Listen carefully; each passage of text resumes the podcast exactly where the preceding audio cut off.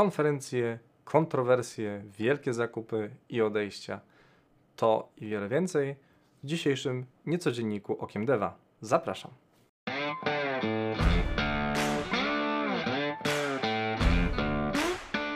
Cześć, nazywam się Grzegorz Wątroba, a to mój kanał Okiem Deva. Aktualnie oglądasz niecodziennik, czyli podsumowanie najważniejszych informacji ze świata gier z ostatnich kilku dni.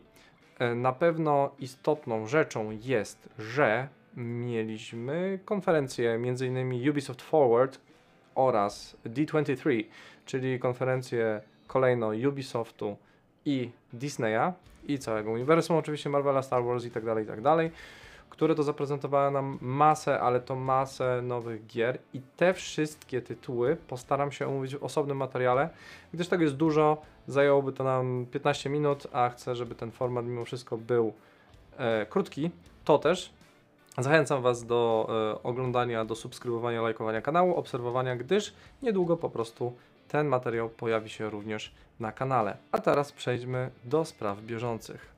Pierwszy news to e, fakt, iż Jason Blundell, założyciel Deviation Games, odchodzi z firmy. E, Deviation Games e, to firma powstała z weteranów m.in. Treyarch oraz innych firm pracujących przy Call of Duty. Między innymi też właśnie Infinity Ward. Niedawno zostali wykupieni bądź mają e, kontrakt, mocny kontrakt biznesowy z Sony i tworzą nowe IP stricte na PlayStation. E, Tutaj no, istotną jest sprawą e, to, że najprawdopodobniej właśnie Deviation Games wyprodukuje nam konkurenta Call of Duty e, i ta marka, którą, nad którą będą pracowali, podejrzewam, że w planach właśnie ma za parę lat wypełnić tą lukę, którą pozostawi najprawdopodobniej Call of Duty, gdy zostanie ekskluzywem dla platform Microsoftu.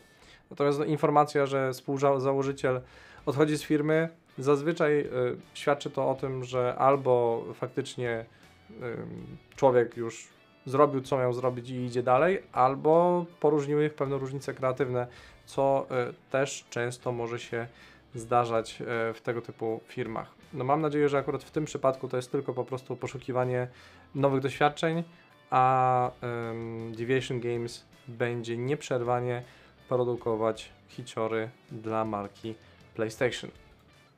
Kolejny news to SNK, y, czyli twórcy wielu wspaniałych automatowych y, bijatyk, zostało wykupione w 96% przez publiczny fundusz inwestycyjny Arabii Saudyjskiej, prowadzonej przez e, księcia Mohameda bin Salmana. Jest to jeden z wielu zakupów funduszu pośród kilku procent udziałów w Nintendo, Capcom, Nexon, EA, Embracer Group i Take-Two.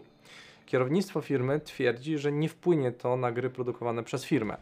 Arabia Saudyjska, jako kraj, w którym dusi się ruchy LGBT e, oraz feministyczne, prowadzi wojnę aktualnie chyba w Jemenie, o ile mnie pamięć nie myli, no nie prognozuje zbyt optymistycznie, no skoro mają pakiet większościowy firmy, to mają najprawdopodobniej też wpływ na cały proces kreatywny. Twórcy, y, którzy pracują w firmie SNK twierdzą co prawda inaczej, Natomiast no, zobaczymy, co przyszłość pokaże. No, na dodatek sam książę właśnie em, Mohammed bin Salman y, był zamieszany według y, wywiadu amerykańskiego o brutal, w brutalne morderstwo dziennikarza e, Jamala Khashoggi, więc można powiedzieć, że to jest dość kontrowersyjna decyzja i związek z dość kontrowersyjną osobą. E, nie wiem, jak to wpłynie też na postrzeganie firmy wśród graczy, czy Arabia Saudyjska nie będzie chciała wprowadzić y, pewnych zmian, y, fundusz Arabii Saudyjskiej nie będzie chciał wprowadzić pewnych zmian na przykład kulturowych, czyli zabroni po prostu prezentowania niektórych treści, które się nie pokrywają z ich polityką, z ich kulturą.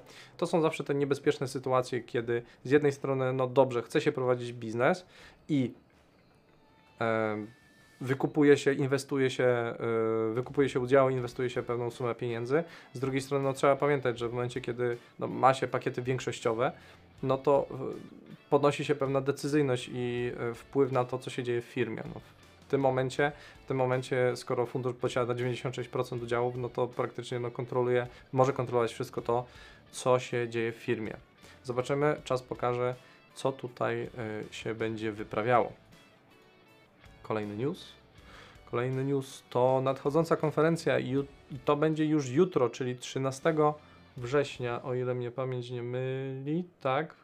Jutro zobaczymy nowy Nintendo Direct.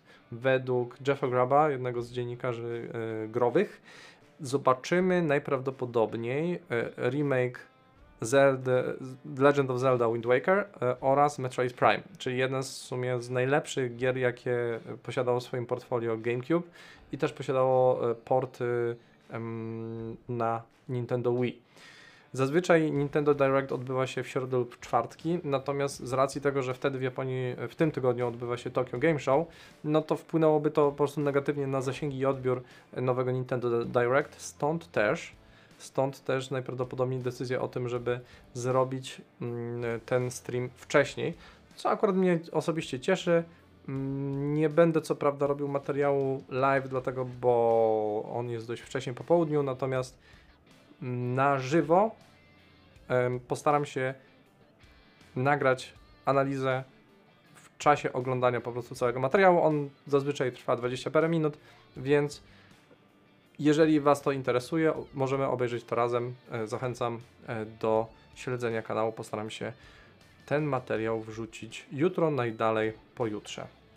Kolejny news to e, dość obszerny artykuł o Ubisoftie pod kierownictwem Yvesa Gilmo, który pojawił się na Game Industry Biz.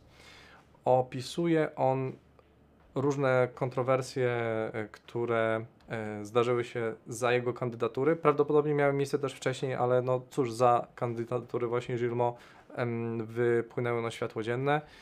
Jak źle kiedyś traktowano pracowników, jaka była e, polityka firmy pełna niestety seksizmu i złych decyzji ludzi na stołkach, która doprowadziła ostatecznie do zapaści finansowej zapoczątkowanej około 2018 roku. Potem różne decyzje zostały podejmowane po to, żeby zmitygować e, to podejście, e, ten e, negatywny kierunek również, który miał zły efekt na giełdzie. Natomiast dopiero ostatnio już firma faktycznie poczyniła kolejne zmiany do tego, żeby mm, naprawić zarówno wizerunek w oczach graczy, ale też faktycznie naprawić, naprawić to, co się dzieje w ich własnej firmie jakby pod spodem, tak? Mm, firma następnie porwała się na NFT, tworząc swój system Quartz, e, który co prawda opierał się już na dość ekologicznym, powiedzmy, e, ekosystemie Tezos, e, jeżeli chodzi o blockchain. Natomiast no, nadal zarówno gracze, jak i deweloperzy krzywo patrzą się na ich decyzje pod tym kątem. Również dużo gier z ostatnio z ich portfolio no, nie siadło, zdecydowanie nie siadło.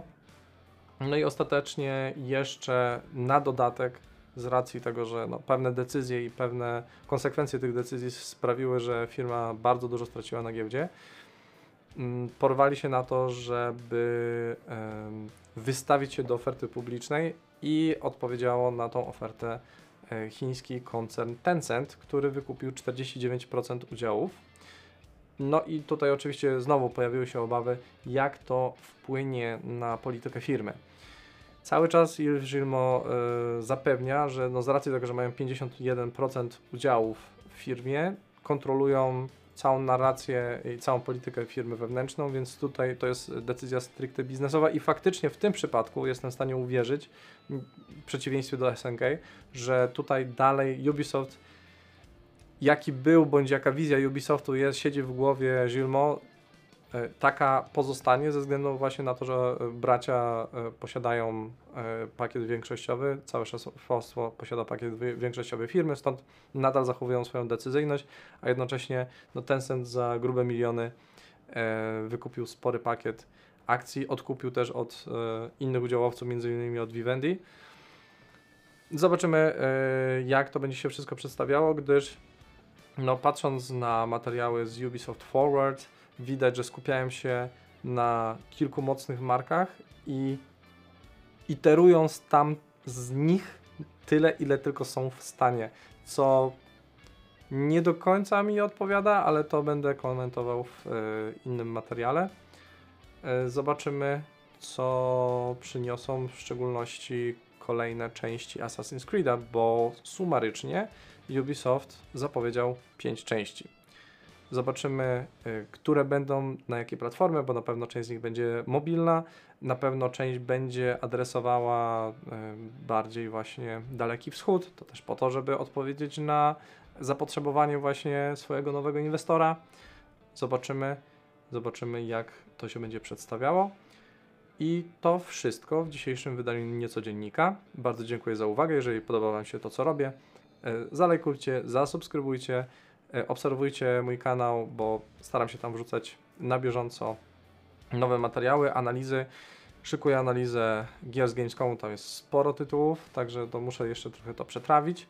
Na pewno y, zamieszczę analizę w parze, że tak powiem, Ubisoft Forward i D23 oraz postaram się wrzucić coś w rodzaju reaction video na e, najnowszy Nintendo Direct, które prawdopodobnie nagram albo jutro, albo pojutrze. Dziękuję wszystkim za uwagę. Zapraszam na stronę okiemdeva.pl, gdzie znajdziecie linki do wszystkich moich materiałów i gościnnych podcastów. A teraz pozostaje mi tylko życzyć Wam miłego dnia, miłego wieczoru i spojrzenia na gry okiem Deva.